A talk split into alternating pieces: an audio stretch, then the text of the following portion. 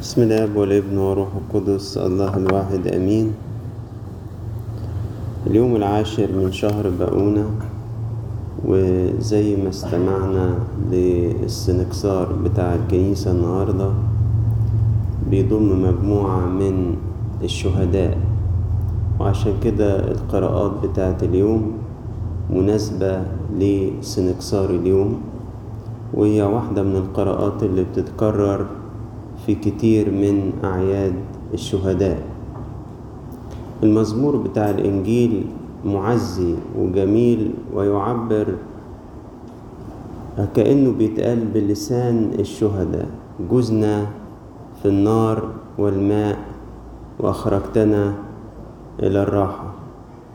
يعني عدينا في شدايد كتير يا رب. عدينا في ضيقات كتير. عدينا في مواقف صعبة كتير. جزنا في النار والماء ثم أخرجتنا إلى الراحة.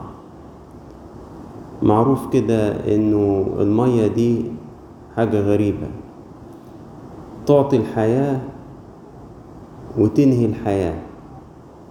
يعني في تكوين أصحاح واحد وكان روح الله يرف على وجه المياه. وقال الله ليكن نور. فكان نور يعني من بدايات الخليقة. وربنا استخدم المية وأوجد بها حياة لمخلوقات كتير. وحتى الحياة الحيوانية بدأت من البحار. وفي نفس الوقت في تكوين ستة لما شر الإنسان كثر في الأرض فكانت القوة المدمرة كانت هي المية.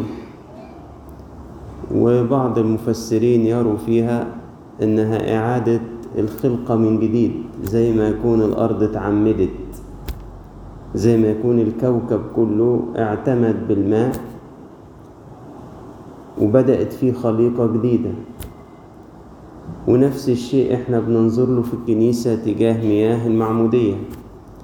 إنها مياه هلاك لإبليس وجنوده وللإنسان القديم أو العتيق اللي فسد في الشر وبداية جديدة للإنسان الجديد.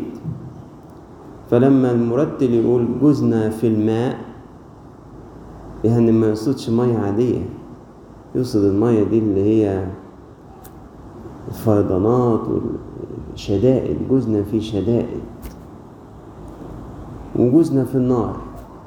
زي التلات فتية كده اجتازوا في أتون النار. طب وهلكوا؟ لك لا ما هلكوش.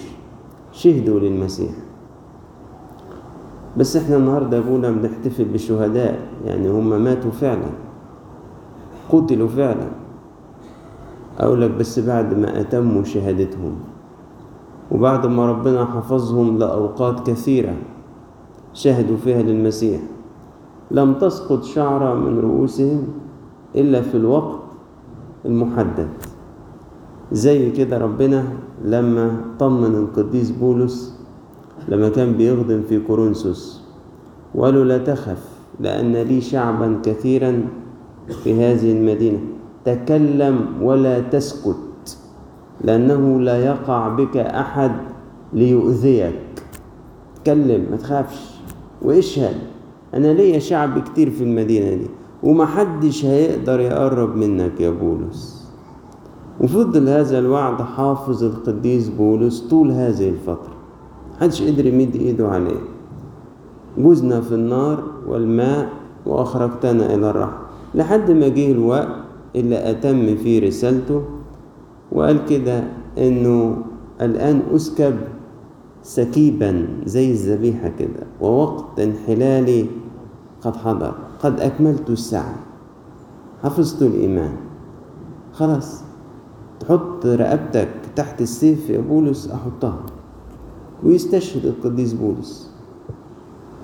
لما جه الوقت وأتم الشهادة بتاعته سلم حياته في إيدين المسيح. لكن يحق لي إنه يقول جزنا في النار والماء وأخرجتنا إلى الراحة. الراحة دي قد تكون إنقاذهم من الضيقات اللي مروا بيها في مرات كتير. يعني البيعة اللي إحنا فيها دي اللي على اسم الشهيد ماري جرجس كلنا حافظين كده في الزوكسولوجية سبع سنين أكملها. الشهيد جورجيوس والسبعون ملكا المنافقون يحكمون عليه كل يوم. إذا ياما أنقذوا ربنا اجتاز الراحة كتير جاز في الماء جاز في النار وده الراحة. وممكن تكون الراحة العليا اللي هي في أورشليم السماوية. يعني أه خلاص أخيرا أخيرا اكتملت الشدائد بتاعتي خلاص. أخيرا كده لا عاد يكون في سيف ولا قتل ولا تهديد ولا ألام. ودخلنا إلى الراحة. نعما أيها العبد الصالح والأمين. كنت أمينا في القليل أقيمك على الكثير ادخل إلى فرح سيدك. اجتزنا في كثير من الضيقات والشدائد. أيضا هناك من يشهد باحتماله للمرض بشكر. يعني في هذا الزمان مع تطورات كتير طرأت على البيئة اللي إحنا عايشين فيها. على تطور العلوم واكتشاف الأمراض خلى سيرة المرض كتيرة. من زاويتين استهلاك الإنسان لل... للبيئة اللي هو عايش فيها وإساءة تعامله معاها فصارت عدوة ليه؟ وصار فيه ملوثات كتير وصار فيه حاجات كتير ضارة وغيره وغيره فالأمراض كترت. زائد إن وسائل اكتشاف الأمراض تطورت. كان زمان في ناس كتير تعيا بأمراض كتير وتموت بيها حتى في سن صغير من غير ما حد يفهم دي إيه ولا. لكن دلوقتي لا فالواحد حس إيه ده؟ أمراض كتير كتير كتير. وياما اتكلم قديسين كتار عن إن إحنا نشهد لله بالشكر. لما الله يسمح بأوقات المرض أو التعب واعتبروها أنه لا شيء يمثلها في الفضائل. إن إنسان يكون متألم في أمراض ويقدم ذبيحة شكر لله. فدي شهادة. أيضا لربنا. أتذكر في بداية ما اترسمت جديد وكان أول مرة أنزل مناولات للغير القادرين إن هم يجوا الكنيسة. فأغلبهم مسن وبعضهم مريض. ومكنتش لسه أعرف الناس مرتبطتش بيهم معرفش البيوت. فمعايا خادمة مرتبالي المناولات وكده. فدخلنا في بيت كان من البيوت القديمة اللي في يسر الراغب بتهد دلوقتي وطلع مكانه برج من الأبراج كده. بعدين فخبطنا ففتحت ست كبيرة كده وبتتسند بالعافية بس وشها مليان نعمة كده ومبتسمة ومنور كده. فأنا افتكرتها إن هي اللي يعني هتناول. فجيت لسه بفتح الذخيرة.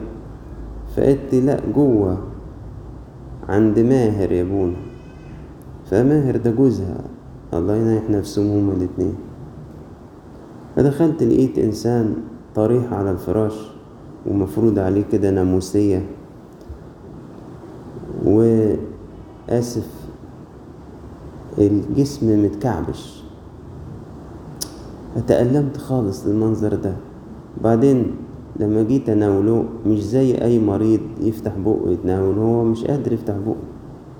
فزوجته والخادمة وأنا إحنا التلاتة بذلنا محاولات شديدة عشان نقدر بس عضلات الفك دي تتفتح وندخل الجوهرة بتاعة الجسد فتألمت خالص. فبقول لها هو تعبان كده أديله كتير. فقالت لي خمسة وعشرين سنة يا ابونا بقول لها بس هي قالتها بهدوء شديد. فأنا بصلي تحت تأثير العاطفة الإنسانية بتاعتي. تصرفت تصرف وأنا بصلي كده. وأنا قلتها هي طبعا معاه لأن هي ما بتتحركش هي نفسها عايزة اللي يخدمها. فصليت كده وقلت له يا رب ريح عم ماهر. فبعد الصلاة قلت لي ليه كده يا ابونا ليه بتقول كده؟ ده هو اللي فاتح البيت بحسه. طب هو لو مش دلوقتي أعمل إيه أنا؟ تقولش كده قول ربنا يخليهولي. أنا اتكسفت خالص من نفسي. وبعدين تأثرت جدا أنا والخادمة اللي معانا وبعدين وإحنا طالعين وتنده علينا وعلى قد حركتها البطيئة. راحت معرفش دخلت فين وبتجري ورانا استنى استنى يا أبونا استنى. وجابلنا بونبوني. وإلا لازم تملى إيدك يا أبونا ولازم تاخدي يا فلانة. بس فخدنا البتاع ده ودخلنا العربية. والخادمة اللي معايا اتفتحت في البكا. فبقول لها بتبكي ليه؟ قالت لي شفت ابونا قلت لها طب ربنا حب يدينا وعظة في الشكر. وعظة معاشة في الشكر وفي التسليم وفي الرضا. لو سمعنا مئة عظة في الكنيسة عن الشكر لا تماثل الخمس دقايق اللي إحنا دخلناهم البيت ده. وصار لينا هذه الزيارة الشهرية مصدر عزاء. يعني نختم الزيارة نروح لعم ماهر وست نعيمة. الله يرحمهم هما الاتنين وكنت أقول في قديسين ساكنين على بعد خطوات من الكنيسة. كنت أقول كده للناس في قديسين ساكنين على بعد خطوات من الكنيسة على فكرة. إزاي إزاي في ناس كده؟ جزنا في النار والماء وأخرجتنا إلى راحة طب وربنا فين من القصص دي؟ أقول لكم ربنا فين. تلاقي كده إيه عارفين يوسف وهو في السجن يقول لك ولكن الله بسط إليه لطفا. فاكرين العبارة دي؟ كل شوية كده يوسف يقع في دقيقة ويجي آية كده تبينك إن ربنا برضو كان إيه كان معاه. في مرة الراجل طبعا وارد مع العمر ده كله ورغم كل الاحتياطات دي جاله قرح فراش. وكان موقف صعب جدا على الست إن هي ففي مرة بقى إحنا جينا وكان الموقف ده يعني حاصل. فكان بقى حد من عيالها موجود عشان يساعدها. فبرضه الابتسامة على وشها. فقالت لها يا فلانة قولي لأبونا اللي حصل امبارح. قالت لي ابونا امبارح ماما كانت لوحديها وكانت لازم تغير لبابا وكانت مستصعبة خالص الموقف. وإحنا عندنا وراحت مشاورة على دلاب خشب صغير كده الأجزخانات اللي كنا نعملها زمان في البيوت دي اللي نحط فيها سبرتو على شاشة على ميكروكروم على مش عارف. فقالت يا عذرا ما تسيبنيش عشان أنا الموقف ده صعب عليا وانت عارفة. يا عذرا ما تسيبنيش عشان الموقف ده صعب عليا وانت إيه؟ وانت عارفة قالت يا ابونا راحت تمد ايدها في الأزخانة لقيت القطن طلع لها لوحده كده. لسه هتحط ايدها كده تلفها لقيت لفة القطن بتطلع لها كده من الأزخانة. ما هو مش معقولة ربنا يسمح بحاجات صعبة وما يكونش إيه؟ ما يكونش موجود. مش معقولة ذبايح شكر بتترفع كل دقيقة من مكان زي كده وربنا ما يكونش عينه على المكان؟ البيت ده اسمه موضع شهادة. البيت ده اسمه إيه؟ اسمه موضع شهادة. زي ما القديس أنبا مقار كان مسمي المكان اللي جاهد ودفن فيه ماكسيموس ودوماديوس كان لما يجي له زوار ضيوف يقول لهم تعالوا أوريكم موضع الشهادة اللذين له... الذي لهذين الغريبين الصغيرين. تعالوا أوريكم المكان اللي شاف جهادتهم.